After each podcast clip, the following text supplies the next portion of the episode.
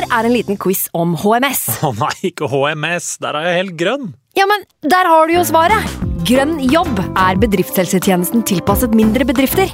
Våre HMS-eksperter hjelper mer enn 8000 bedrifter over hele Norge med alt fra lovpålagte HMS-krav til pålegg fra Arbeidstilsynet. Få på plass bedriftshelsetjeneste på grønnjobb.no. Hallo? Jeg kommer fra Oslo politikammer. Ine Jansen er purk. Er du purk? The motherfucking bitch. Alt jeg vil, er å finne ut hva som skjedde med mannen min. Jon Carew. Er jeg sikta for noe? Iben Akeli. Det er du. Ole So, Lars Berrum og Big Daddy Karsten. Hvem sin side er du på, egentlig? Anette Hoff, Tone Danielsen, Kommer du fra Afrika? Jørnis Josef, Nesten. Kløfta. Trond Espen Seim, Det er synd å si det, men det var feil mann som døde. Purk. Premiere tirsdag på TV2 Play. I can't believe it. Football, bloody hell.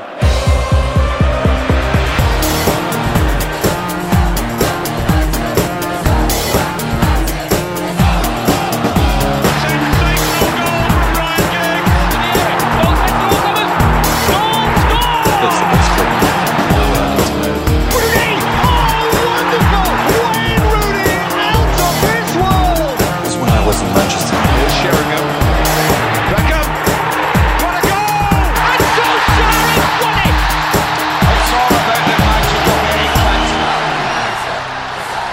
Velkommen til nok en episode av United We Podcast. Jeg heter Kenvald Sinus Nilsen. I dag så har jeg med meg nerdelandslagets Andreas Hedemann. Hei, Ken. Hei, godt å ha deg på plass igjen. Eh, VGs Mats Andersen, velkommen til deg også. Hei, hei, hei. Eh, vi skal snakke om to fotballkamper i dag som er eh, på en måte vidt forskjellige. Det er i to forskjellige eh, turneringer. Det er mot lag på, fra to forskjellige ligaer. Um, og det er to helt vidt forskjellige fotballkamper, men de er egentlig også helt kliss like. Så det, det er en litt rar greie. Vi skal Spilt snakke på om forskjellig bane òg. Føles ikke sånn heller. Nei, gjør ikke det heller. Uh, vi skal eh, snakke om kamper mot Middlesbrough og og mot Burnley i dag. Mm. Um, og vi kan jo eh, Det er vel greit å ta det i kronologisk rekkefølge, for hvis ikke så tror jeg ikke vi klarer å skille det helt. Nei, eh, Først og fremst må jeg bare advare da, til alle som hører på, og til dere to som sitter her, om at eh, jeg har nesten ikke én positiv ting å si om eh, Manchester United, om Nei. Premier League, om Fifa, Uefa, VAR eller generelt toppfotball i det hele tatt om dagen. Vi lever jo i en tid der hvor ligacupen heter Carabao Cup. Ja. Trekningen foregår i Vietnam. Mm. VM er i Qatar. El Clasico er i Saudi-Arabia. Mm. Jeg skulle egentlig på dette tidspunktet ønske at vi satt her og snakka om uh, Raufoss-Alta, eller liksom Ja, ja, St. Pauli HSV, eller noe der hvor det er noe sjel, da. Ja. Eh, men det skal vi ikke. Vi skal Ja, snakke om en bra. sjelløs eh, tid. Ja, det passer bra, for jeg er innmari blid og veldig positiv. Jeg har bare lukka øynene, tatt på meg skylappene, eh, krumma nakken og bare dura på framover som jeg var Erling Braut Haaland som kaster seg inn i det. Det er Ebony and Ivory eh, ved siden av hverandre. Skylapper er jo vanligvis eh, et negativt lada ord, men akkurat nå så skulle jeg gjerne ønske jeg hadde hatt et par gode skylapper hjemme, som jeg kunne eh, tatt med bare for å slippe å på en måte forholde seg til virkeligheten, for den er ikke så veldig grei akkurat nå. Naive mennesker er ofte lykkelige òg, tror jeg. Det er akkurat det de er. Mm. Det er akkurat det de er. Um, det kan man sikkert ikke si om noen som er, uansett hvor naive de er, Manchester United-supportere akkurat nå. Uh, vi starter med uh, Middlesbrough i FA-cupen. Siste mulighet for å stikke av med et trofé denne sesongen. Det vil si, eh, man kan jo fortsatt vinne Champions League. Det er bare det at eh, det har ikke sett sånn ut i det siste, så vi liksom Det er vel den eh, siste realistiske muligheten kan man kanskje si at FA-cupen da var. Det vil jeg absolutt si. Um, jeg hadde en diskusjon med vår felles venn André Sørum, eh, skuespiller fra bl.a. Heimebane og denne mm, Netflix-suksessen hvor ingen dør på Rangnes, er ikke det det Jo, heter? jo. Um, etter den kampen, for han var veldig positivt, uh, positiv og sa jeg elsker å se fremgang i spillet, vi dominerer jo i store deler av kampen. Mm. Eh, jeg var veldig negativ, for jeg er jo eh, resultatorientert, og spesielt i en cupsammenheng. Ja. Um, så det kan jo være så mye fremgang man vil eh, når vi ryker ut mot en motstander som ligger midt på tabellen i championship, i hvert fall på 7.-8.-plass, og som vi da på en dårlig dag skal vinne 5-0 over. Ja, og egentlig også et lag United vel eh, Et lag på United sitt nivå da på en måte skal slå ut med eh, i hvert fall halvparten av reservelaget sitt. Sånn er det jo vanligvis i de cupene der, eh, mot sånn type motstand. Juan Mata skulle egentlig ha starta den kampen her, ville jeg liksom i en perfekt virkelighet, da, på en måte. Altså Hvis Andreas Pereira ikke hadde vært på lån, så skulle han starta den kampen? Så skulle han spilt denne kampen. Eh, sånn ble det jo ikke, fordi United starter egentlig med så å si toppa lag, eh, bortsett fra at Henderson står i mål. Det må han vel, på en måte, hvis ikke så kommer han nok til å Det står i kontrakten, det er sikkert. Det må det jo nesten gjøre. fordi Denne skal jeg stå. denne skal jeg stå. Eh, det som er synd for han, at det her kan jo kanskje være den siste kampen for sesongen, siden det ikke er noe mer av den type cup å ta av. Pogba er tilbake, starter. Eh, ja.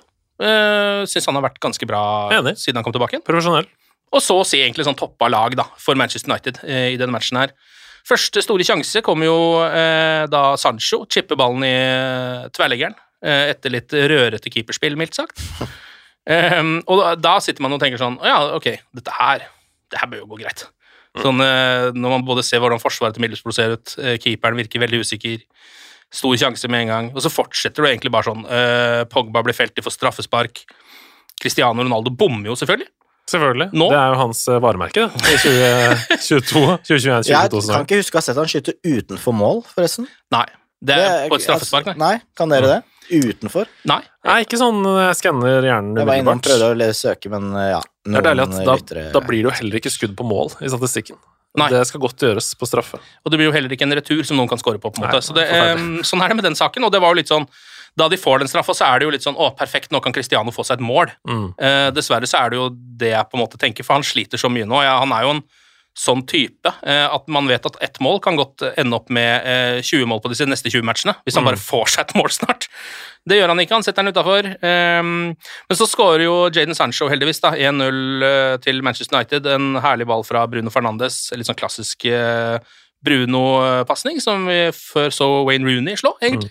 Også god i den kampen, Bruno altså. Ja. Det var jo flere som var gode, i hvert fall. Jeg syns Sancho var eh, mest livlig mm. Den matchen. Uh, Var også bra mot Burnley, han. Ja, generelt i, i veldig mm, på vei, Jeg har skrevet i notatene mine på vei til å Han begynner å se ut som spilleren vi trodde vi kjøpte. Ja. Uh, men er han, hvorfor er han ikke høyrekant? Er det neste spørsmålet mitt. Uh, Nei, jeg, jeg tenkte altså, jeg, Vi er jo uenige i alt i dag. Jeg liker han på venstre, egentlig. ja, men det gjør jeg også. Det er bare han er litt sånn fin playmaker-aktig vri.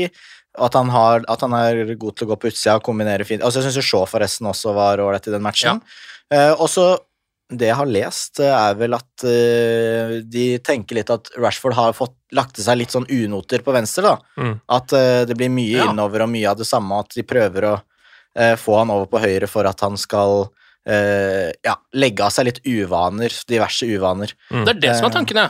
Visstnok. Ja. Men det er jo, altså, og jeg skjønner, eventuelt om det stemmer ikke, så skjønner jeg hva de mener. da. At Rashford ofte har blitt litt sånn stående stille og litt sånn, men han har fått ganske fine bevegelser på høyre der, syns jeg. Jeg er helt enig i dette. Eh, Jeg syns han gjør en kjempegod jobb på venstrekant. Det er ikke det jeg mener. Jeg bare mener at det er helt uh, taktisk uh, patetisk av Manchester United å kjøpe enda en venstrekant når vi har et gapende hull på høyresiden Ja. og har hatt det i ti år!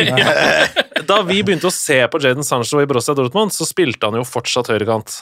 Um, og så ble han flytta over til venstrekant i den siste sesongen før han kom til United, som er jo helt utrolig typisk vår flaks, for da kjøpte vi jo enda en venstrekant, som vi nå har 17 av, og ingen på høyre, bortsett fra Diogo Dalot. Fin, altså, Eh, uh, Fins det høyrekanter? Er det en konspirasjonsteori? Ja, ja eh, litt sånn som Liverpool har vel eh, en, kanskje. Ja, de har en decent en. Eh, en av de siste decente høyrekantene Den sammen med siste høyrebekk. Nei. Lionel, jeg vet ikke om Messi er ordentlig Han er vel ikke høyrekant lenger, han heller, egentlig. Nei, nei, han har trukket innover. Alle er, blir mer og mer venstreorientert. Ja. Eh, En, ja, så ja, en omvendt trend fra samfunnet. ja.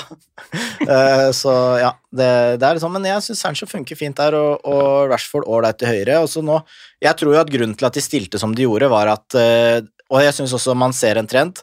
Jeg føler at Sist jeg var her, så var jeg veldig negativ. Da var resultatene ok, men var likevel veldig Ja. negativ til spillet. Så negativ at jeg fikk i hvert fall to eller tre uh, tweets så negative. Det er vel Twitterstorm, er det ikke det?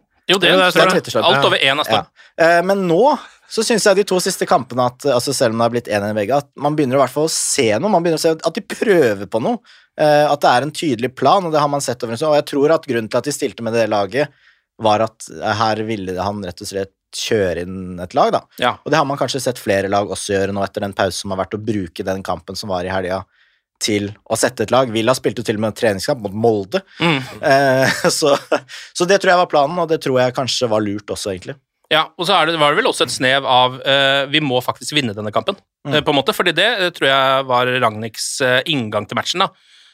Det må det jo på en måte være når det er, liksom, det er en cup de faktisk kan vinne.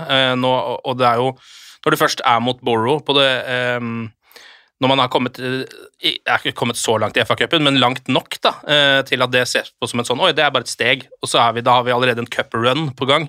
Den ble jo på en måte kutta ved beina før det ordentlig kom i gang. da. Mm. Um, uansett, eh, United går til ledelse um, med 1-0 eh, i eh, bagasjen. Og så eh, har vi jo det gode gamle tilfellet av at det er pause, eh, og da skjer det noe eh, med Manchester United. Det her er jo helt likt som mot Burnley-kampen etterpå. Og hva er det som har skjedd, for nå er det jo omvendt. Altså Etter at Solskjær dro, eh, da var vi jo elendige i første omgang Mm. og fantastiske i andre omgang. Nå er vi eh, fantastiske i første omgang og elendige i andre omgang. Kan vi Ja. ikke bare merge? Kan vi ikke hente Solskjær tilbake, og så kan de ta hver sin omgang? Ja, det hadde vært noe. Eh, fordi altså Det eneste jeg kan se på som en eh, forklaring på det, er vel at det er litt mer intensitet i spillet til Ragnhild. At de kanskje rett og slett er sliten, ikke klarer å holde det løpet der i mer enn ja, 45, da noen ganger kanskje sånn 60 minutter, liksom. Jeg veit ikke. Nei, det blir jo slitsomt for alle de som må løpe ekstra for Ronaldo. Ja, eh, for, for, for eksempel. Eh, og det er jo da eh, Borrow som scorer 1-1 etter pause. Eh, Crooks er det som setter den i mål. En helt soleklar hens på Watmore, eh, som har assisten der. Hvordan er det mulig, egentlig? Det, Hvordan det der er det skjer? fordi, eh, det er vel noe sånt som at eh, et par dager før denne kampen så var det et lite dommermøte, har jeg et inntrykk av, eh, hvor de da eh, la ned hens, med mindre det er han som scorer som har gjort det. Så det er jo det som skjer. Det er en regel, så det der var ikke feil engang, og det er jo kanskje det, det, det, det.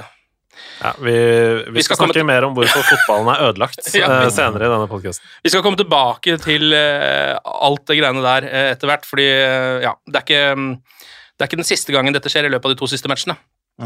En ting, hvorfor tar ikke Luke Shaw straffe? Hvorfor sender de Elanga fram? Ja, Det, er sånn, det er, irriterer meg. Bare Ja. at hva, hva er forutsetningen? Altså, Shaw er jo Når du har en som tar dødballer, så skal du ha en ganske sikker fot, mener jeg. Mm. Da er det han som skal ta den straffen. har vel sett Shaw ta ganske decente straffer Ja, ja. før òg. Må ha vært sliten eller noe, da. Jeg. Jeg vet det rett og slett ikke. Ja. Eh, Det er flere, Vi skal jo snakke om den straffekonken, så det kan vi komme tilbake til. For det er jo egentlig flere ting det går an å se litt på der, for så vidt. Eh, Men uansett, det blir altså 1-1. Alle Manchester United-spillere, supportere, manager er jo eh, helt 100% sikre på at det er ikke noe vits å eh, engang gå bort til dommeren, fordi det her blir annullert. Om det er dommeren som selv tar det, om linjemannen har sett det, eller om VAR til slutt tar det, så skal ikke dette være mål i fotball, for det er en hens som er så klar fra han fyren som nesten scorer målet. Men det står, og da ender det med straffer. Og da er vi der. Det mest dustete uansett, bare for å legge til det, når det bryter opp alt du har av rytte på planen her, hører jeg, men at hvis han scorer selv, så er det hens. Hvis han spiller den på tvers, så er det ikke hens. Ja. Fordi det er, det, og det står i reglene. Ja. Det er sånn, på et eller annet sted Jeg mener jo at eh, Altså, dommerne har jo lagd et regelverk som skal være Altså, alt skal stå der, sånn at de kan ha vise til regler og fortolkninger og alt, så de slipper å bruke huet. For det Altså, nå skal jeg passe meg her. Altså, det er kanskje, kanskje det er vanskelig å bruke huet noen ganger, men kanskje sunn fornuft skulle vært en, bare en egen greie noen ganger. At liksom Ja, fordi akkurat Ja. Det jeg syns er vanskelig med dette Jeg kommer jo fra eh, veldig glad i fotball, veldig glad i mange andre ting, men jeg er også veldig glad i TV-spill. Og det jeg syns er vanskelig med dette, det er at dette er det vi kaller en eh, buff i TV-spillverden. For nå har man jo oppgradert spillet fotball med en helt ny egenskap. Eh, Det betyr jo at spillerne eh, på lagene nå, og managerne, er nødt til å begynne å forberede seg på at dersom du har assist med hands, så er det lov. Eh, Det er en ny regel i fotball, så nå må vi, nå må vi begynne å øve på det på treningsfeltet. Hvis du henser, så får vi en fordel inn i feltet. Det er jo tydeligvis lov. Så det betyr jo at det, fotballen har fått en ny funksjon, akkurat som at man i noen TV-spill plutselig kan dobbelthoppe. Så kan man nå bruke hands som assist. ja. Eh, og, men det som gjør det enda verre igjen, er jo at det er jo egentlig ikke lov. Så hvis dommeren hadde sett det, så hadde jo han eh, blåst på det. Eh, men VAR kan ikke ta det, og det er så mange sånne gråsoner. så Jeg skjønner ikke hvorfor de lager dette her for seg selv. De lager jo liksom, de maler seg bort i et hjørne. Det er veldig rart. Og så er det sånn Uh, Den uh, journalisten i meg er jo bare helt vanlig nøytral, og så personen tenker sånn dommerne har en vanskelig jobb, og ditt og datt, Men sånn breddefotballspilleren og den som uh, pleier å suse rundt der og hater fotballdommerne, tenker sånn Er det ikke mulig å bruke huet og bare Ja. øynene, da? Ja, Eh, så det, nei, det, er, det er veldig rart. Også for United sin del er det ekstra frustrerende, for det var en situasjon mot Villa hvor det var et sperretrekk og noen Ja. greier. Og så var det denne, og så var det noe mot Burnley, som vi sikkert kommer tilbake til. mm. Eh, Så det er, eh, for United-fans så hoper det seg jo sikkert litt ekstra opp med frustrasjon, da. De det har- virker som eh, Hedemann her har eh, hvert fall eh, Det har nådd han, i hvert fall. Altså, ja eh, jeg, jeg har begynt å bli sjuk jeg nå fysisk av å se Manchester United spille fotball. Jeg, får, jeg får bare vondt i magen av det, fordi det er eh, Det blir for mye for meg, på en måte. Det er liksom som å bare gå inn og lese om all urettferdigheten i verden. Eh, og så skal du prøve å holde deg helt fullstendig rolig, og ikke tenke at det er liksom noe du kan gjøre med dette. da. Problemet er at det er håpet som dreper deg, ikke sant. Og ehm, nå er det sånn at jeg eh, av en eller annen merkelig grunn klarer å ha så korttidsminne at jeg gleder meg til hver kamp, og så Ja. blir jeg pissa på i hver kamp. Og det er forferdelig. Ja, og nå er det ehm, For nå er det jo også så Det er så mange Det har jo på en måte Jeg tror poenget med VAR, eh, til en viss grad i hvert fall, var på en måte å ta bort eh, tilfeldighetene, da, egentlig. At det er sånn Det skal, det skal være litt tilfeldig hvem som dømmer, og hvis han gjør en feil, så skal vi fikse opp i det. Men nå har de gjort det systemet er såpass komplisert, med så mange forskjellige folk som kan ta så mange forskjellige avgjørelser. Noen som ikke kan ta de avgjørelsene, men han andre kan ta den. Og hvis ikke han har tatt den før, da kan han ikke ta og så videre og så videre. At det bare har blitt verre. da, så det er sånn nå har vi situasjoner hvor eksempel, ehm, Dette her hadde blitt hendt hvis dommeren tok det, men hvis VAR skal ta det, så kan de da tydeligvis ikke blåse på det. Eh, Så har vi den situasjonen mot Burnley med Pogba, eh, som linjedommeren tar. Hvis han ikke hadde tatt den, så kunne den sannsynligvis ikke VAR tatt den, for den er ikke clear and obvious. Eh, og dommeren, altså oppi dette her, og det blir jo bare en salig gjørme av regler som ingen skjønner til slutt. da. Dette er jo bare den praksisen man hadde som barn. At hvis du får nei hos mo moren din, så går du til faren din. ja. Og, eh, eller hvis du har skilte foreldre, er du enda bedre. Da kan du sette de opp mot hverandre. og sånn. Det er jo Ja, det som har skjedd i fotballen. At Ja. du bare har to som du kan få nei et sted, så kan du få ja et sted. Og autoriteten til dommeren er jo fullstendig underminert. Den er jo ikke, Ja. den er jo ikke til stede lenger, og ehm, det er jo ingen som lytter til dommeren. Hvis dommeren blåser, så sier spillerne ja, ja, la oss gå og se på VAR, du. Mm. Det liksom, de, de sier det til og med. De peker på dommeren og gjør VAR-tegnet til dommeren. Ja. Altså, det er ikke noe respekt for dommerstanden lenger, så Nei. Way eh, to go! Way to go. Um, ok, vi eh, kan gå igjen tilbake til straffekonken igjen. Vi kom ikke noe lenger enn det. Um, det starter jo da uh, illevarslende nok med at Paddy McNair uh, scorer på den første straffa. Da vet man liksom, da er tonen satt for en ordentlig Manchester United-straffekonk. United-legenden Ja. Paddy McNair. Gikk Henderson riktig på én straffe, eller hva? Ikke som jeg kan Jo, det var vel én, men den Ja. dunk, ble dunka så hardt i krysset at han ikke hadde noen Ja, mulighet. det var noen ganske bra straffer var, der. det var det var ganske høy kvalitet på straffekonken. For det, jeg husker jo med skrekk og gru en, hadde- en straffekonk mot Sunderland for noen år siden i ligacupen. Det er det verste jeg har sett. Jeg tror Sunderland vant 2-1. United skåret på én straffe. det var jo helt utrolig. Men, så har man men- på helt på den andre siden via realstraffekonken, som varte og varte og varte. og ja. varte. Og man har jo sagt sånn ah, Henderson skulle stått der. Eh, etter en gang. Nei, han skulle ikke det. Han Det skulle- han skulle ikke det. stått, han. Men eh, er vi kommet dit nå hvor vi skal snakke om Manchester United som straffekonklag? Ja, eh, Fordi- vi, vi kan godt gjøre det. Vi har tapt syv av de åtte siste straffekonkene. Ja. Eh, og vi skårer så å si aldri på dødball. Eh, og vi slo Roch Rochdale, Rochdale, Rochdale på straffer i 2019. Men utenom det så har vi ikke vunnet en straffekonk siden ligacupfinalen mot Tottenham i 2009. Vinner bare Ja, ja. Vi har ikke vunnet en straffekonk med unntak av mot Rochdale på 13 år. Ja. Man kan liksom ikke Man kan ikke belage seg på at John Terry skal skli hver gang. På en måte. Og det var jo 2008. Ja. Så det er sånn, da, da vant vi. Det var en periode vi vant litt straffekonker. Ja, ja. Og så 2009, altså. Det er, bare, Vi har ikke vunnet en straffekonk på to tiår! nei. det er helt sjukt! Det, er faktisk, det er helt eh, fantastisk, rett og slett. Det skal, ikke, det skal på en måte ikke være mulig, i og med at dette her også uh, tilsynelatende skal være såpass tilfeldig. Så skal det ikke gå an, egentlig. Men ja, vi kan jo ta United-spillerne som tar straffe. da. Mata skårer, Maguire skårer, Fred skårer, Cristiano Ronaldo skårer endelig. Eh, Bruno Fernandes skårer selvfølgelig, klassisk Bruno-straffe. McTominay skårer så vidt, under keeper. Mm. Eh, Dalot skårer, ganske sikkert straffe. Eh, Antony Langa setter ballen langt over, og Boro vinner 7-8 på straffer. Synd på Elanga, da. Det er liksom ikke Ja. han som skulle ha den bommen der. Jeg vet ikke hvor mye nei. det påvirker, men Jeg klarer ikke å være som du sier, jeg klarer ikke å være forbanna på Elanga der. Det er jo Shaw som skal ta den straffen, uansett. Så. Men jeg, altså, jeg er sånn her Noen bommer på straffe. Altså, Ja, ja. Kan man slutte med det der sånn der Å, alle støtta han, og dette må du ikke tenke på neste sånn, bare sånn, ja, Vi har jo skjønner jo det. Det er jo sett 80 milliarder straffekonker før. Så noen bommer, liksom. Ikke lag en sånn så stor sosiale medier-kampanje om hvor sjukt støttende og det Yeah, go on to the next one. Med mindre det er Champions League-finale eller. VM-finale eller noe sånt, men en helt vanlig kamp som dette, så er saka var litt annerledes, liksom. Det, her, er sånn, Cup, det, er ikke som, det var ikke som det var finale i morgen, hvis, uh, hvis han ikke hadde Absolutt. altså Det er ingen som kommer til å huske den straffebommen. Det er vel det som er poenget. Uh, Det er på en måte uh, ja, såpass langt unna å løfte det trofeet uansett, på en måte. Um, ok, men det var liksom Det var det for FA-cupen for denne gang. Um, Manchester United på straffekonk, det eh, får vi bare håpe at det ikke skjer noen gang igjen de neste to-ti årene. Fordi det kommer sikkert ikke til å være så Med mindre vi møter Rochdale, da. Ja. Roch, Roch. Jeg klarer ikke å uttale det. Roch. Rochdale? Rochdale? Jeg tipper jo det. De er, Ja. Jeg tror ikke de er fra Østerrike. Rochdale. Nei, men jeg tror det var sånn skotsk. Roch. Rochdale. Rochdale. det kan jeg, jeg Rochdale også upon Avon. Vi kan uh, hoppe videre til uh, tvillingen til denne matchen her, bare minus straffekonken, nemlig uh, kampen mot Burnley. Ja. Cristiano Ronaldo starter på benken. Ja, det er spennende. Mm. Er det taktisk, eller er det handler det om fysikk? For de har jo hatt en lang pause nå. Det er jo handler om prioriteringer. Mm. Um, er det et mønster man kommer til å se videre, eller er det nå to starter mot Southampton og Brighton? Ja, jeg vet ikke, Ragnhild sa vel at han mente Kavani passa bedre til denne matchen, eh, og da vet jeg ikke om det er fysikken han tenker på, eh, eller hva det er. Det er jo mot Burnley, så det, han vet jo at det blir Kanskje at det er en fotballkamp? sånn er det. Nei, men det, var, eh, det som vel var forklaringen, var jo det å være oppi eh, Jage i forsvarerne hele tiden. Mm. Uh, som du snakker om fysikken, men også ja, i undertekst gjenvinning, da. Ja. uh, rett og slett. Ja, for nå er det jo ikke plass til to, da, sånn som de spiller nå. Nei. Og det er jo ikke noen kanter fordi noen ikke er der lenger blant oss. Mm -hmm. uh, så tror jo jeg da at Cristiano Ronaldo kanskje passer mot Southampton nå. Ja. Og så møter man Brighton, hvor det er tre midtstoppere, to-tre midtstoppere, jeg husker mm. ikke hvordan de spiller akkurat nå, faktisk, men som er veldig gode til å holde ballen. Mm. Og da er det jo kanskje ikke Cristiano Ronaldo som skal være der, men Cavani. Ja. Så kanskje det har blitt en sånn rotasjon nå. Ja, og i og med at begge to er eh, 90 år gamle, på en måte, så er det jo greit egentlig kanskje å rotere litt mellom de.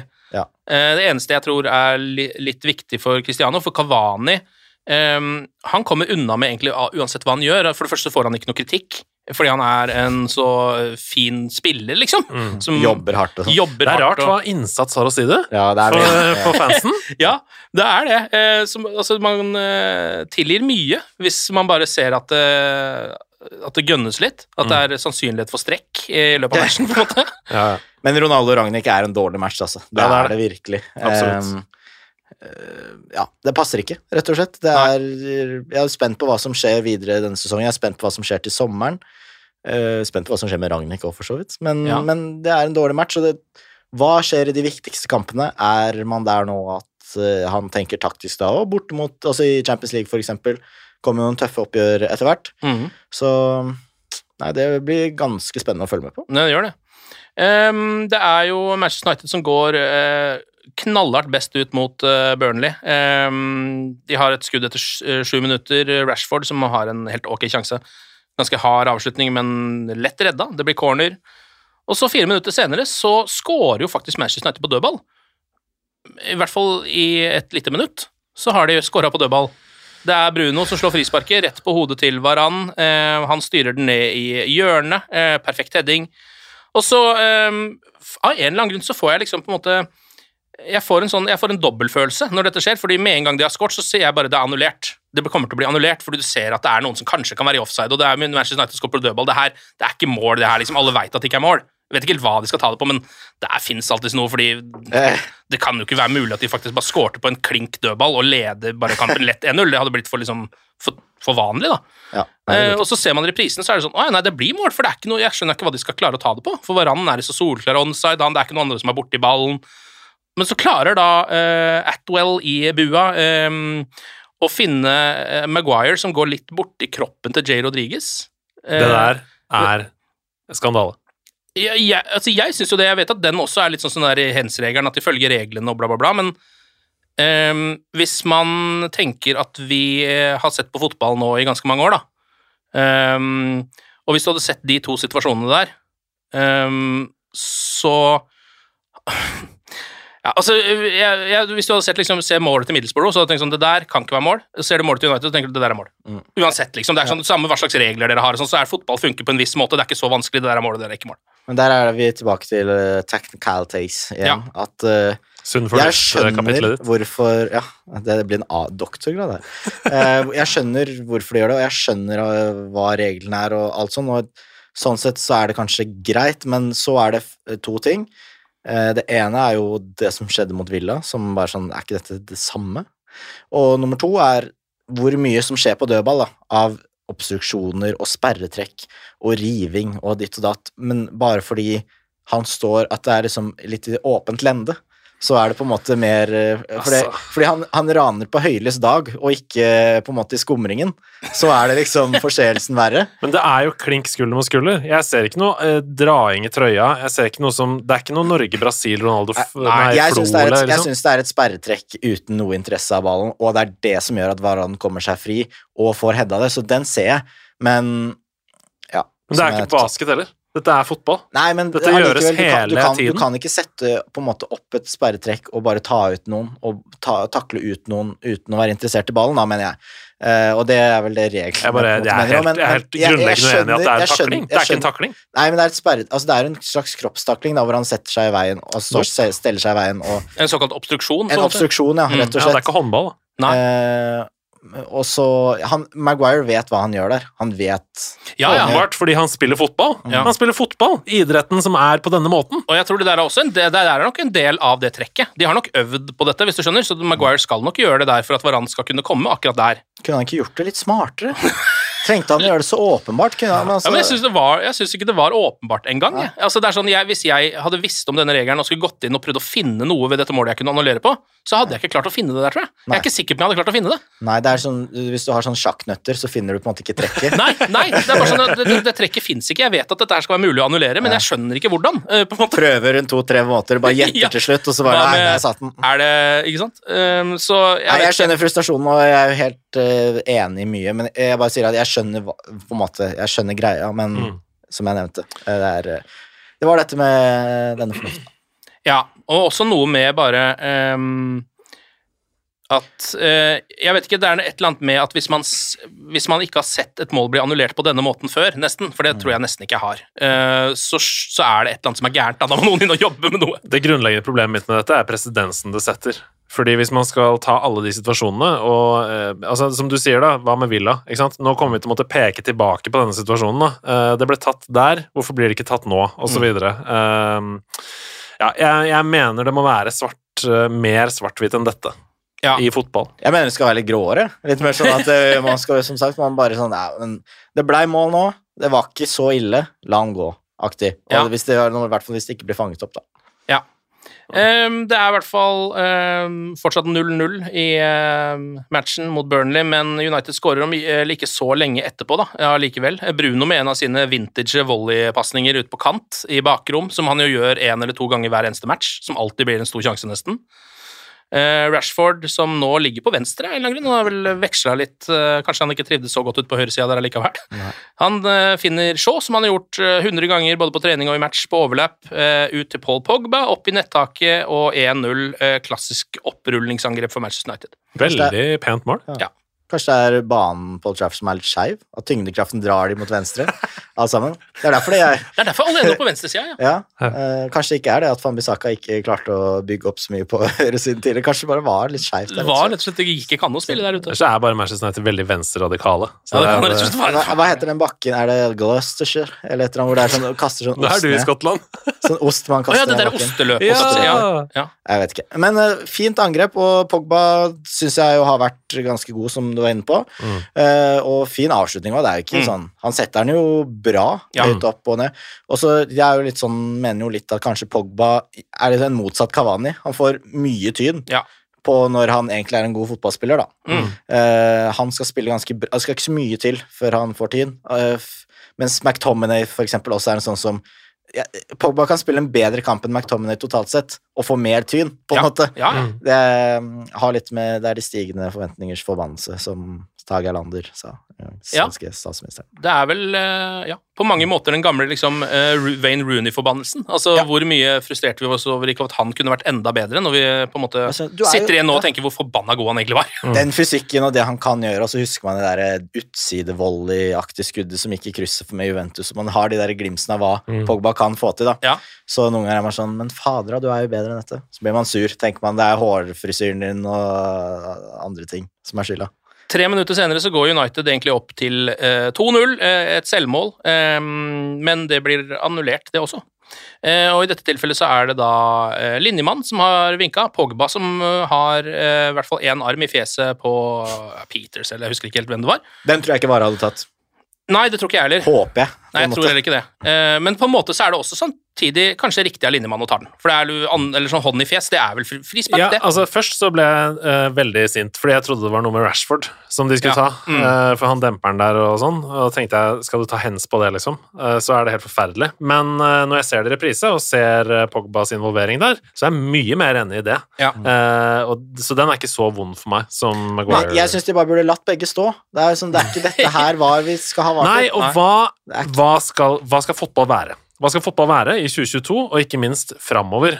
Eh, vi trenger jo flere mål! Vi trenger ja. flere mål i denne idretten! Vi trenger ikke færre mål! Ja. Hvis, det skal nå, eh, skal spre seg til en ny generasjon som er oppvokst med eh, endorfinrush absolutt hele tiden på telefonene sine Åh, nå høres det ut som jeg er 70 år gammel. Jeg, jeg, jeg koser meg med endorfinrush sjøl, både i TV-spill og på mobilen min. Men det er det jeg sier. Eh, Langrenn må være mer attraktivt enn det er nå. Fotball må være mer attraktivt enn det er nå for at det skal overleve på sikt. Det kan ikke bli færre mål i fotball, folkens. Det går ikke an. Nei, og det er, jeg tror det eh, For hvis eh, VAR hadde blitt brukt til alt annet bortsett fra å ta bort mål, så tror jeg det hadde vært en ganske annen eh, eh, Da tror jeg Ja. folk hadde et ganske annet syn på det. Ja, for det er hoved... Altså, det er det som står på Ja. nummer én på møteagendaen. Ja. Fjern mål. Fjern, men det virker jo sånn. Sånn var, var per 2020 er lik det der ble ikke mål. Mm. Det er det eneste jeg tenker på når jeg tenker på VAR. Jeg tenker ikke på alle de gangene det er sånn Oi, nå fikk de faktisk straffe som ble sett uh, pga. VAR. Fordi det skjer jo nesten aldri. Mm. Det, de, de går jo ikke inn og tar de. Så det ender bare opp med at de bare fjerner ting på sånne små pirk, Mm. som egentlig bare er et klink mål. Virker som de er veldig sånn redd for at, uh, at, noe, at de skal få kjeft. Bare sånn Ja, men her har dere oversett noe. Sånn, vi har sett det! Vi ser den! ja, vi ser ja, den! ja, Det skal vise seg. Det er sånn eh, action bias, kanskje. det kan hende. Eh, Det er i hvert fall Det blir jo ikke mål. Eh, Fortsatt 1-0 til United, da, så det er ikke helt krise heller, men de burde jo nå Nå er de egentlig oppe i 3-0 på en måte i denne kampen, da. Eh, og så er de egentlig oppe i 4-0, fordi Edison Cavani er altså helt på blank. Eh, ballen spretter, bare den spretter vel ikke engang, han får den bare opp eh, rett på panna. Um, og prøver Eller han nikker den ned, som er kanskje det er det eneste han får til, for ballen han får er litt slapp, den er ikke så hard, så kanskje det er liksom det eneste han får til, da.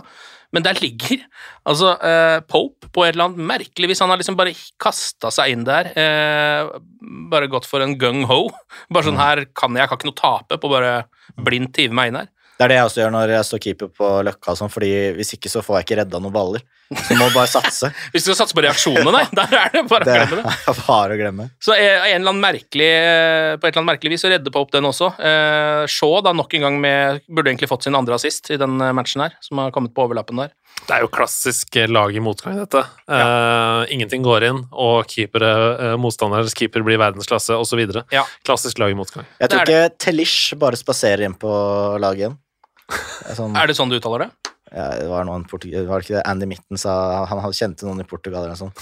Alex Telish! Ja, han kjente noen i Portugal, ja. Eh, kona eller noe. Ja, nei, jeg tror heller ikke han gjør det. Det syns jeg egentlig er litt godt å se, for alle United-supportere visste vel at Luke Shaw er en bedre venstreback Mm. enn Alex Tullish. Men har- Eh, jeg, tror, jeg tror eh, Ragnhild liker tydeligvis Beck som har litt deng i doia, og på en måte kan dunke den i, i, i rom. Jeg driter i hva Ragnhild mener, jeg. Jeg driter i hva han liker. Jeg er ferdig med mannen for lenge siden.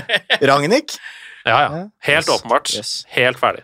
Eh, Det er litt frem og tilbake før eh, pause. Eh, Rashford har en god avslutning til, bein, beinparade fra Pope, og så kommer Burnley litt inn i matchen rett før pause, men skaper ikke noe, da. Så det ender liksom opp med en egentlig et egentlig sånn perfekt omgang av Manchester United. Kunne ikke ha spilt en så mye bedre omgang. Burde leda med et eller annet sted mellom to og fire mål. Eh, leder med ett. Mm. Uh, og jeg sender melding til Sven Sunde, dette blir uavgjort. Uh, og det er, det er ikke fordi at jeg kan se inn i framtiden, det er bare fordi at jeg er Manchester United-supporter og har uh, sett litt for mange av disse kampene i det siste. Du har dessverre blitt det som Tottenham-supporter var før. Ja. um, Altfor på en måte, hva heter det, altfor sånn uh, ikke, de, eh, um, ikke negative, men altfor sånn realistiske Ja. i forhold til forventningene. Ja, ja for det er jo, det er jo eh, Man har jo sett sånne fotballkamper før, og det er litt typisk faktisk at hvis et lag ikke utnytter eh, omgangen sin, da, eh, så får de heller ikke med seg tre poeng. Da. Det er bare sånn, Mm. sånn det pleier å være. Og det skjer jo selvfølgelig det, for kampen har så vidt begynt igjen i andre omgang, før Vegårst drar av både Maguire og McTominay med én vending. Eh, finner J. Rodriguez, eh, som bare løper fra det som er av Manchester United-folk. Han har liksom en Han har sånn en centimeter forsprang der, men det er virkelig ingen som klarer å ta igjen en av de tyngste spissene i, i ligaen heller. Og veldig antivax, han Vegårst. Sånn utrolig uttalt anti- sånn, Han er det, ja. Ordentlig. Jeg hadde besøk av Asbjørn Slettemark i podkasten vår Ukjent sum, som man kan høre på ulike podder, eh, i går. Eh, og han, altså, det er en veldig morsom historie som han tok, men eh, eh, Vegårst har sånn ordentlig uttalt vaksinemotstander og deler linker på Facebook og, og ditt og datt. Og nå lurte han jo tydeligvis Maguire og noen opp i stry òg, da. Han gjorde det. Og De gikk litt tidlig ned, eller? Eh, ja, kanskje, men jeg vet ikke helt hva han skal Erik gjøre. Torstvedt sa jeg er ikke noen keeper, jeg, jeg vet ikke. Men jeg bare hørte han sa det. Ja, kanskje han gjør det. Eh, det er mulig. Det er jo noe han vanligvis nesten aldri gjør, da. Det er jo god til å holde Ja, seg ganske Veldig flink til å liksom sperre av vinkler, og han ble Ja. det var en sesong han plutselig bare ble dritgod på det der, fordi eh, da var, før så satte han seg ned på en annen måte og la ofte, fikk ballen ofte mellom beina. Mm. Men han bare sånn funnet den der kne Ja. Mm. Sette seg ned på kne sidelengs-taktikken. Ja. Men han var Litt sånn hockey-hockeykeeper, egentlig. Ja. Men det var jo det var, Jeg syns det var veldig bra av Vegårs, da. Ja, Og irriterende av Shaw som ligger tre meter for langt bak òg, da, så klart. Ellers er det offside. ja, ja, det er sant. Eh, og så er det også noe med det her kan jeg for lite liksom, forsvarstaktisk til å si nå, men det er også noe med Maguire som er så Det er jo han som Mm. på en måte, hvis han ikke er i den situasjonen, for McTominay er jo der allerede. På en måte. Så det, fordi Maguire også går opp, så kan han jo da dra av to. Hvis ikke så hadde han dratt av igjen, så måtte han fortsatt gått forbi Maguire. Ja, det er så mye rot, men det var jo sånn også sånn som mot den kampen mot Liverpool, som vi kanskje ikke snakker om her. Eh, så de havner i sånne situasjoner hele tiden, da, hvor en plutselig er dratt ut av posisjon, og den andre bekken er på andre sida, og Og det er jo fordi vi har en kaptein som ikke dirigerer Forsvaret. Han, han er vår eh, dyreste og mest eh, uttalte stjerne i Forsvaret. eh, Og han er vår kaptein, og han har ingen autoritet internt i laget, og han greier ikke å dirigere forsvarslinja. Så send han tilbake, gjerne til Burnley. Der hører han hjemme. han hadde vært god i Burnley, ass. Fy søren, han hadde vært- god i Burnley. skåret uh... Ja, det tror jeg også. Ja, ja. minst ett mål. Og så har han vært helt i garderoben, for han har akkurat lav nok intelligens til å henge med de andre i Burnley. Eh, Burnley begynner jo da rett etter det her å skape masse sjanser. Det er liksom en helt, annen, eh, helt annet kampbilde i andre omgang. Vegårs har noen volleyer der. De Hea har en ganske bra redning eh, på det. Um, og så, eh, etter 54 minutter, så dribler Jaden Sancho i kanskje to minutter. eh, hvor bare han har ballen og slår tre tunneler eller sånn. Det blir ingenting av det, da, eh, men det er veldig gøy å se på. Ja, men det er det der! Det der er jo Ferguson, ikke sant? Han sa sånn Bare gjør et eller annet, jeg kjeder meg. Så kan, kunne jo han si i pausen Bare prøv på noe! Gjør noe gøy, liksom. Guys is Tottenham. Ja, og, og det er det der jeg vil se mer av, da, fordi det oser noe som ikke er i Manchester United sin spillertropp om dagen, nemlig eh, fotballglede. Ja, Eh, Og selvtillit. Selvtillit, stolthet, oppofring, bare et ønske om å vise ut av at det er gøy å være i Manchester United. Ja. Eh, så mer av det. Ja, enig. Mer av det. Um, og det er godt å se liksom Sancho begynner å bli uh, Sancho. Man begynner å se at det der er en spiller man kan ha masse glede av. Så lenge resten av laget også følger litt etter etter hvert. Men tross resultatet, jeg syns bilen peker litt oppover. jeg. Det er kanskje en eh, I hvert fall for at én her ikke er enig. Men eh, altså, siden Ragnhild tok over på hjemmebane, det er kun eh, Liverpool, tror jeg, som har sluppet til færre expected goals osv. på, på hjemmebane. Og så vet jeg at mange mener mye om det, men de har sluppet til betydelig mindre da, på hjemmebane. Mm. Før det, altså de første kampene, var det jo helt ekstremt hvor mye sjanser de slapp til. Ja. Så de har begynt å finne struktur. Jeg syns man kan se i hvert fall Man kan i hvert fall skjønne hva grunntanken er. Så Og så har de en sånn eh, halvtime, f- f- 35 minutter i uh, Ikke hver match, da, men i hvert fall veldig mange av de hvor de uh, burde skåre to-tre mål. Hvis Ja. du skjønner, Det, det syns jeg har sett litt av det. da. At de har en omgang kanskje, eller en 20-30 minutter hvor det er sånn Oi, nå er det ordentlig, ordentlig bra. Og- eh, også, ja. Og det er litt nytt og litt annerledes, og eh, de Ragnhild er jo flink til å bygge ting og ha med Altså ha en lengre filosofi, da. Å bygge klubb, taktikk, filosofi, sånne ting. Og det har jo United savna. En rød tråd, i hvert fall. Så får man se. Jeg tror, altså, det er ikke løst i dag eller i morgen, men spillertroppen her skal være bra nok til at man skal klare å finne ut av noe ganske fort, og det er et par bykker som er litt usikre. Ronaldo blant annet, også den problematikken der er jo spennende, at den største stjernen kanskje ikke helt passer inn. Mm. Um, men eh, jeg ser ikke helt uh, bekmørkt på det, altså. Det blir veldig spennende å se mot Southampton og Brighton nå. lyst til å så noen frø hos lytterne, for jeg har lyst til å arrestere deg på to ting. For det første, jeg har ikke sett Ralf Ragnhild bygge klubb på toppnivå i verden, som, eh, så jeg har ikke noe bevis der eh, hos han.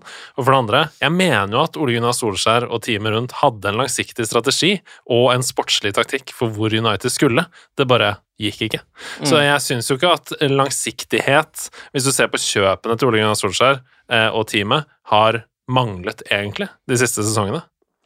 Nei, det bare, ja, det bare kollapsa eh, på et tidspunkt. Og det er vel egentlig det som har skjedd med mange med alle de prosjektene her. Altså, eh, Van Hall sitt kom vel seg egentlig aldri sånn helt opp på beina, men Mourinho sitt prosjekt var jo også sånn som rett før han surna eh, beinhardt pga. noen overgangsgreier.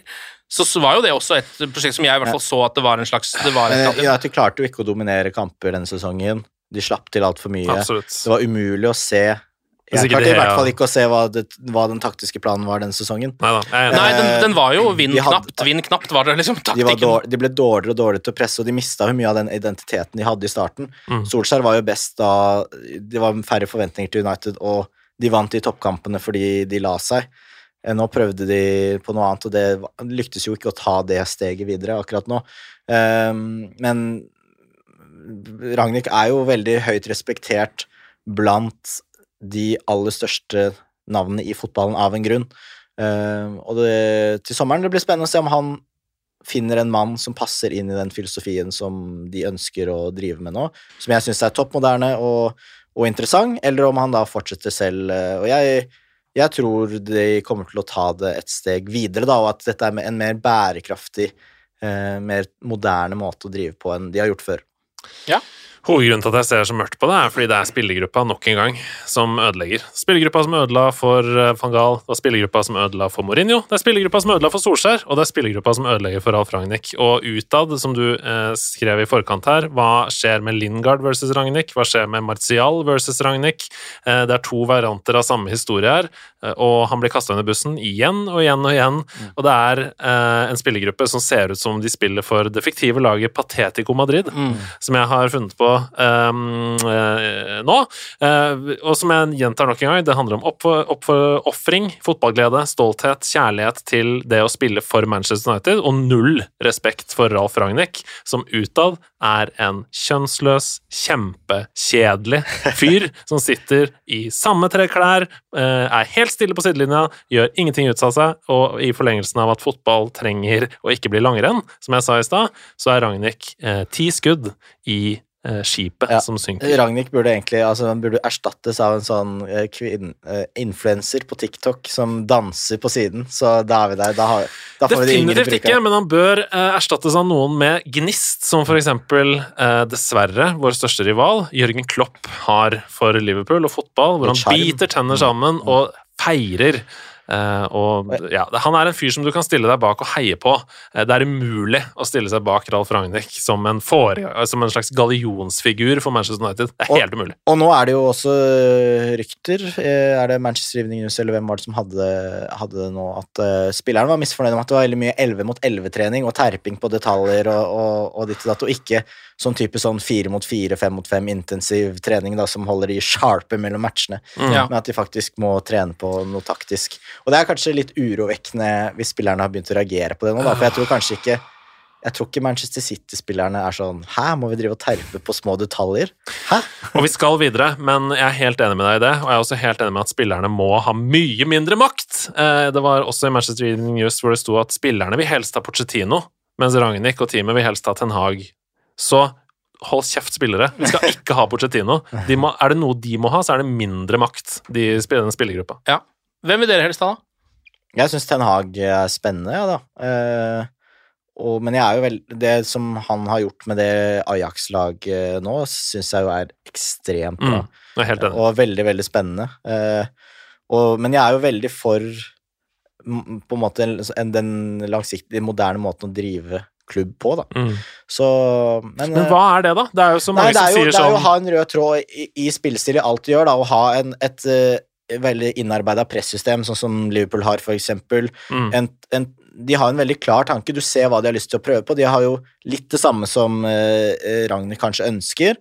Det er jo samme formasjon, det er bekker som skal være høyt og få baller inn i boksen, løfte på hurtige spillere som presser og setter press, med en midtbanetrio som, som står etter og vinner mye baller. De har Fabinho som suger opp der, eh, de har to gode midtstoppere Altså, du ser alt. Du ser hva Liverpool prøver på, mm. eh, og så har de sånne små nyanser, eksempel med uh, at de kan vri om litt på at indreløperen trekker opp, eller bekken, at bekkene blir lavere ut fra hvordan motstanderen presser.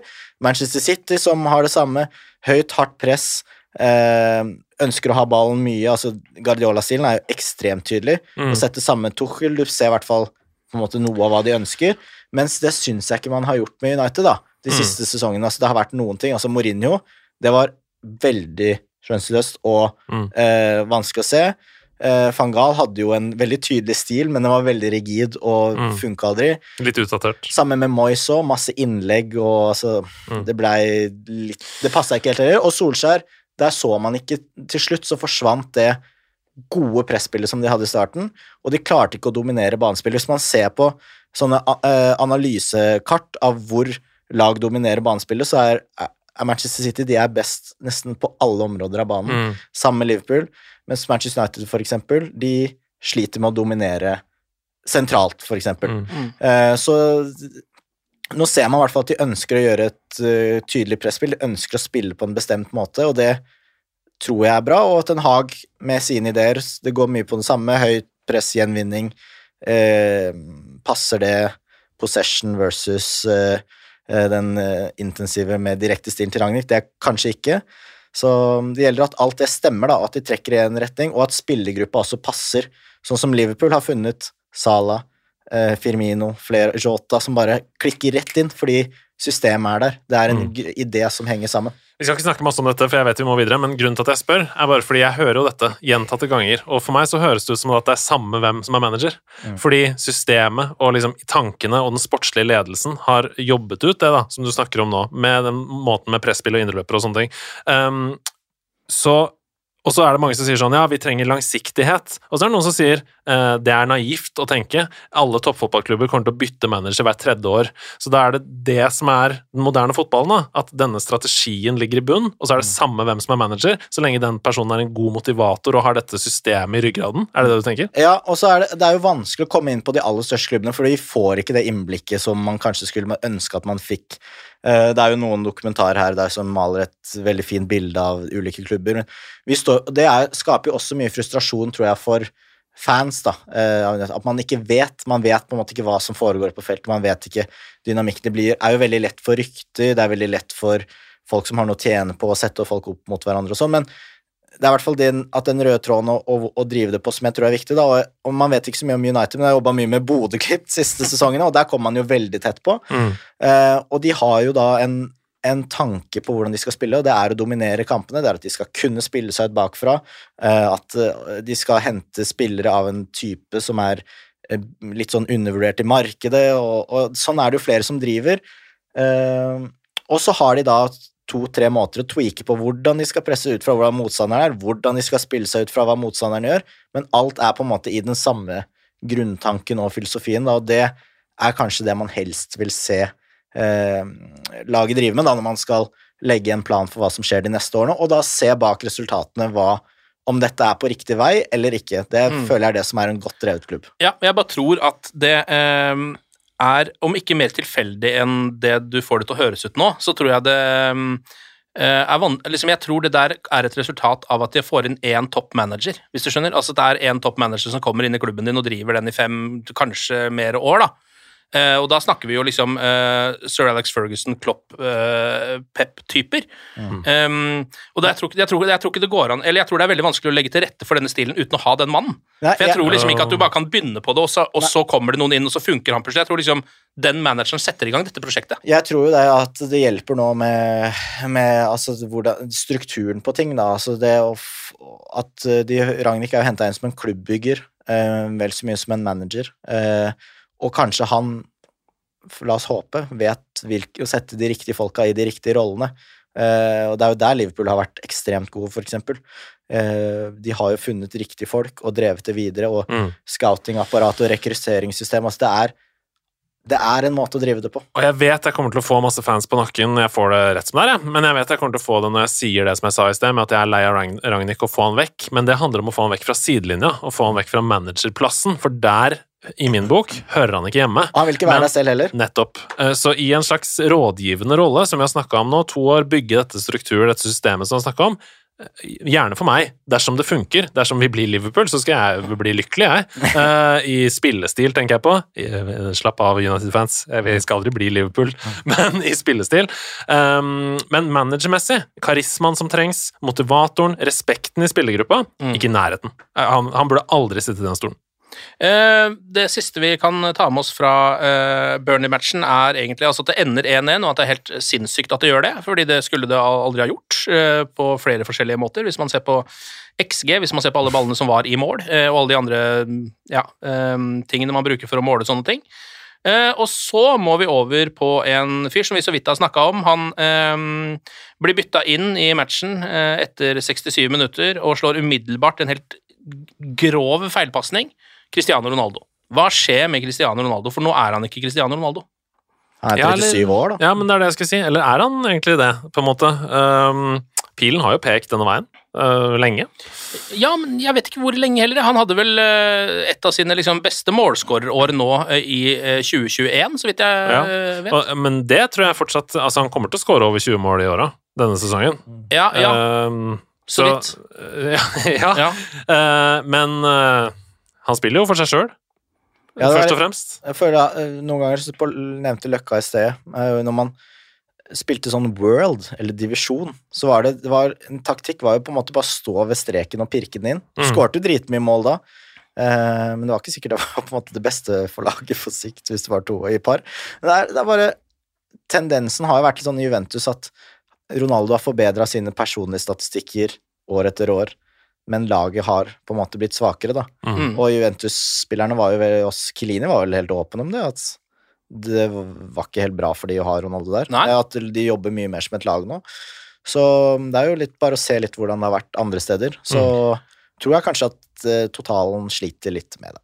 Det gjør jeg. Ja.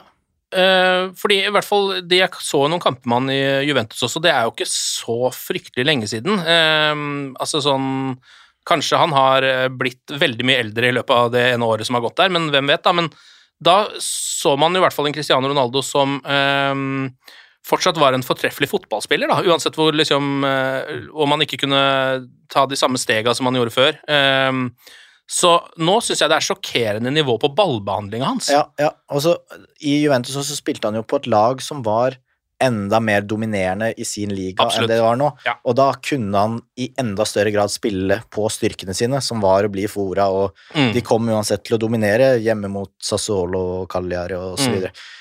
Men det er én situasjon jeg har tenkt på fra Burnley-kampen, hvor han får ballen litt sånn skrått mot venstre, og får en, egentlig en ok pasning. Og så er det en overstreksfinte eller et eller annet, drar seg litt mot venstre, så bare gir han opp, altså fordi rykket er ikke der, touchet er Mm, ikke der lenger. ja. Så det er, sier Ronaldo for tre år siden, hadde tatt en overstreksfinte og, Og rykka og smelt til, liksom. Ja. Mm. Det, det, er ikke, det er dessverre ikke det samme, og ja, jeg tror ikke det kommer til å Altså, han kommer til å skåre en gans, mye mål, og han kommer til å skåre fine mål. Volleyen mot Atalanta, som vi husker, altså flere av de der. Det kommer han til å gjøre, fordi han har jo det tekniske på en måte, men samtidig så Det kommer til å bli sjeldnere.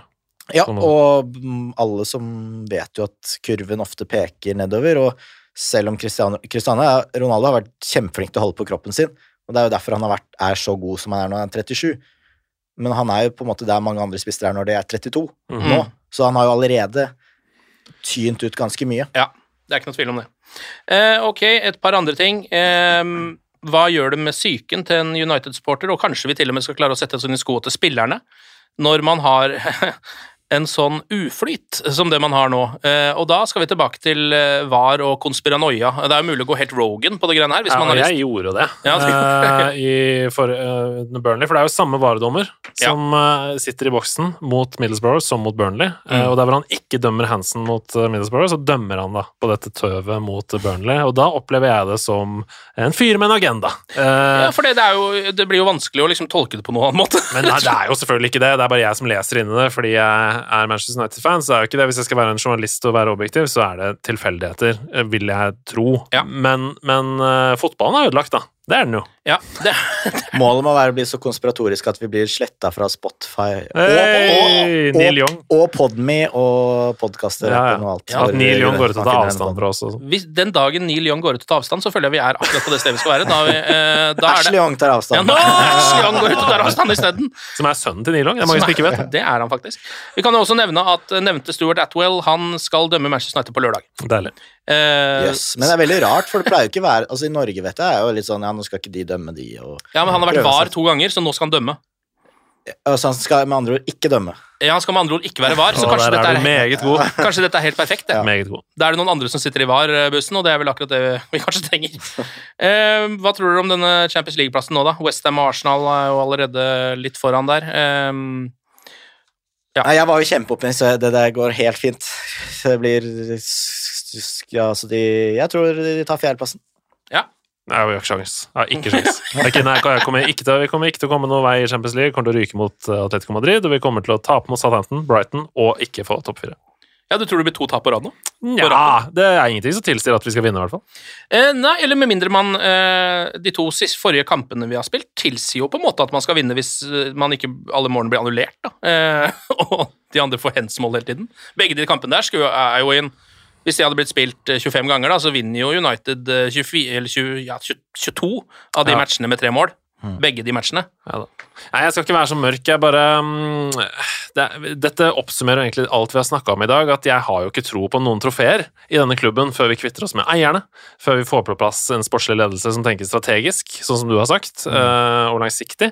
En manager som har internasjonal finale- og troféerfaring, eh, og som er nådeløs mot spillergruppa. Kompromissløs på sine ideer, og ønsker å få det gjennom uavhengig av hvilke stjerner eller profiler han dealer med, og som da spillergruppa ser at ja, dette gir oss resultater, så det respekterer vi.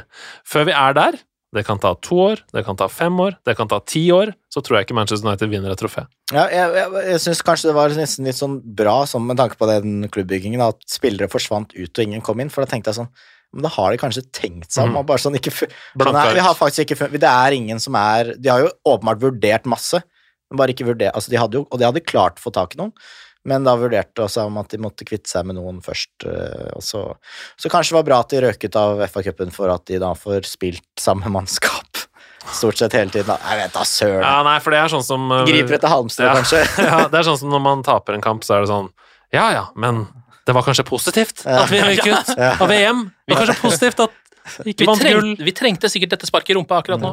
Saka får en mye bedre karriere etter. Um, vi må jo også uh, nevne mannen som vi så vidt nevner ved navn lenger, Mason Greenwood. Mm. Eh, har vi ikke snakka om i denne podkasten heller. Det er ikke, kanskje ikke så mye å si.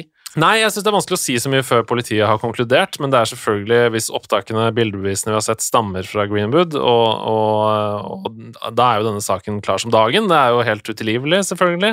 Eh, og det er 14 år da, med satsing fra Uniteds side for å bygge denne fotballspilleren. Det er bortkasta. Det er Ja. ut av vinduet. Fra han var seks år til nå. Så det er jo bare trist, og det er først og fremst trist for offeret. Ja. Eh, Helt åpenbart. Det må vi bare få helt på det rene her. Så jeg vil jo helst slippe å da se eller høre om Greenwood eh, noensinne igjen. Og det er synd, for vi har mista en talentfull fotballspiller eh, som ikke klarte å ta vare på seg sjøl. Sitter du med en Greenwood-drakt, du får bytte den gratis. eh, Ja. i et, Var det ikke noen som fikk bytta en drakt fra fryktelig lenge siden nå, på en måte? Altså Som var sånn flere år? ja, jeg, ja, jeg tror det. Alt, liksom? Ja, alt. Har du Greenwood til Du fikk drakta, nyeste drakta da. bytt den ut med den nyeste drakta, få deg et annet navn bakpå der. Jeg sitter med en Greenwood-drakt, men jeg sitter med den kvinnelige fotballspilleren Greenwood fra Manchester United sitt kvinnelag Oi, eh, sin drakt, så den kommer jeg til å beholde. Det må du jo gjøre, men det er Bortsett fra at hun gikk til Manchester City, så det var jo litt Oi, eh, kjipt. Oi, ja, da Yes, sitter, du yes. med en veld, da sitter du igjen med en veldig vond drakt, faktisk, fy på en eller annen rar måte. Uh, jeg vet Jeg har jo den kvinnelige TV-drakta. Den er tross alt, Caliente TVs. tross alt litt bedre, faktisk, det. Men ja, jeg ville vurdert eh, vurderte to-tre ganger før jeg tok på meg den drakta igjen, Andreas. Ok, nå er det altså Southampton neste nå på lørdag, og så er det Brighton. Det er to hjemmekamper på rad.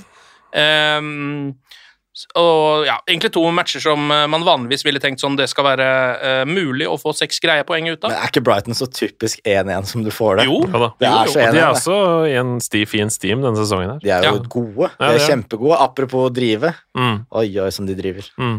så um, Kan bli tøft, begge to. kan bli tøft, ja.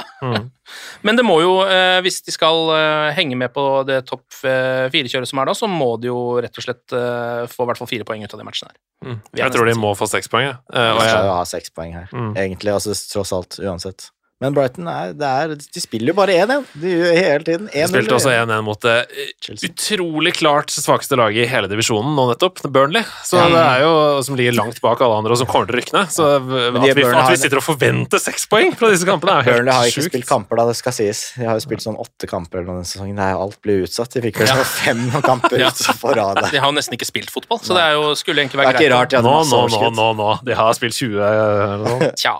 Eh, ok, vi kan også eh, Egentlig bare en liten, eh, liten hyllest av Wayne Rooney. Det han driver med i Derby, Mm. er helt rått. Ja, er- Kom med dukku Doku nå jeg. ja, Tenk om de overlever, da. ja, tenk det. Med 14 poeng i deduksjon. Altså, eh, og det er jo Det går jo på en måte nesten den veien. Da. Nå er det fortsatt ganske langt gap opp der, så jeg. Eh, men eh, hvis han får til det det hadde vært helt rått. Eh, og da går det an å kanskje håpe at Wayne Rooney er et lite managertalent også. Ja. Og, og så taktisk å si nei til intervju med Everton nå, da. Åh, han gjør Ja, alt ja, ja, riktig, han ja. Han gjør alt riktig. Ja, han han Kan, jeg, kan, jeg, kan vi si to ting på slutten? Mm. Det ene er uh, det som du nevnte tidligere, at nå ser jo troppen litt tynn ut.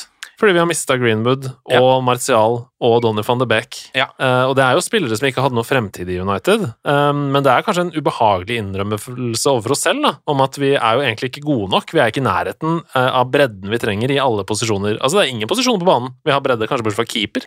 Mm. Ja. Ja. men er det virkelig så tynt, på en måte? Altså, DG Henderson er greit, så har du Lindeløf. Eh, hvor mange midtstoppere trenger man for hvor mange kamper er det som er igjen totalt? Vi får se hvor mange det blir i Champions League, men Ja. det er jo, hvis det blir med de to, så er det jo liksom 15-16 kamper igjen, da. Det er jo Ja, ikke så fryktelig mye, og så er, altså, er det to backer, og så er det, det er med, Men det er jo litt sånn at Det er plutselig egentlig Man savner kanskje noe litt framover som reddemessig, Ja. men allikevel at det er jo Cavani og Ronaldo som ikke kan spille samtidig. Litt tynt på kantene, kanskje. Men det er ikke så lenge igjen, da. Men til sommeren så må det jo skje ting. Ja, det må ja. det. Så jeg er ikke så da kommer bekymra. jo, Jeg er ikke så da, da kommer jo Lingard og, og, Ja. eller Mar, uh, van de Beek og Martial tilbake, så det er jo ikke noe å Ja, tenke på. ja, ja. Ja, nå er Lingard er jo der for så vidt. men jeg, jeg er ikke så bekymra for det. Men jeg er, jeg er enig. Altså, det er jo et par skader på feil folk. Mm. Så er det, jo- men det er ikke som om van de Beek og Martial uansett Det er ikke som om det er forskjellen uansett. For om de hadde altså, Når skulle de spilt fotballkamper i ligaen eller Champions League ja, nå? sant. På en måte. At Men- de, ja.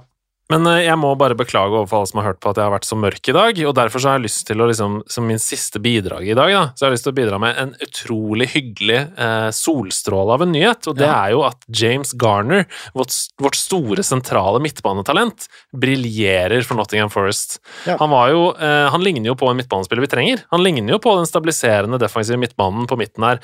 Hva med neste sesong allerede, tenker jeg. Han var en av de beste da Nottingham Forest slo ut Leicester i FA-cupen, og han skårte nå i 2-0-seier over Blackburn. Han har sin beste sesong i karrieren Ja. for Nottingham Forest nå, og holder Premier League-nivå. Ja. Så der har vi eh, potensielt eh, den spilleren som alle har snakket om. da, At eh, å, nå kommer Garner, og han er den neste Fletcher, har jo folk sagt i, i årevis. Så la oss håpe, håpe, håpe på det. da. Vi får håpe på det. Eh, noe, noen halmstrå må man alltids klare å, å, å få tak i også. Eh, Mats og Andreas, tusen takk for praten, og glory, glory.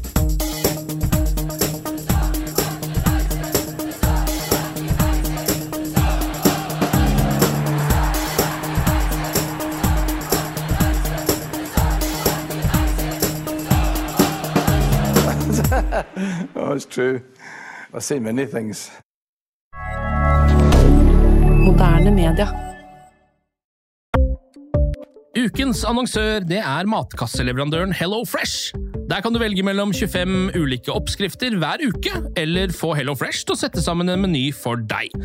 Jeg sparer tid på å handle, oppskriftene er veldig enkle å lage, og så får jeg akkurat det jeg trenger da, til hver eneste rett, så jeg slipper å kaste så mye mat som jeg vanligvis gjør. Det er også litt deilig å faktisk slippe å gå på butikken, ikke bare fordi det er tidkrevende og sånn, men fordi man ender opp med å kjøpe så mye greier som man egentlig ikke trenger, sånn som fire poser eh, Smash og en kick med havsalt, eksempel. Det er ikke det du egentlig er der for, du er der for å kjøpe, kjøpe middag.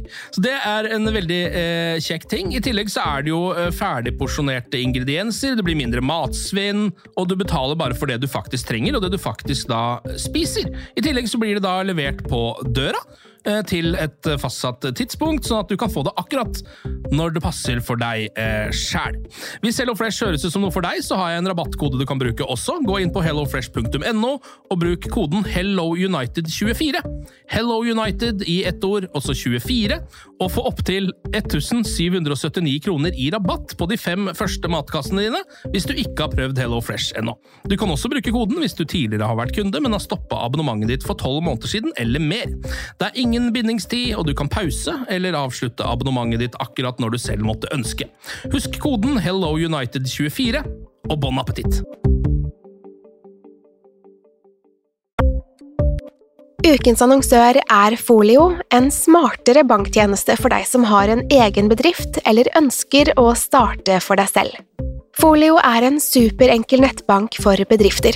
Som kunde i Folio får du en bedriftskonto med et bedriftskort og app.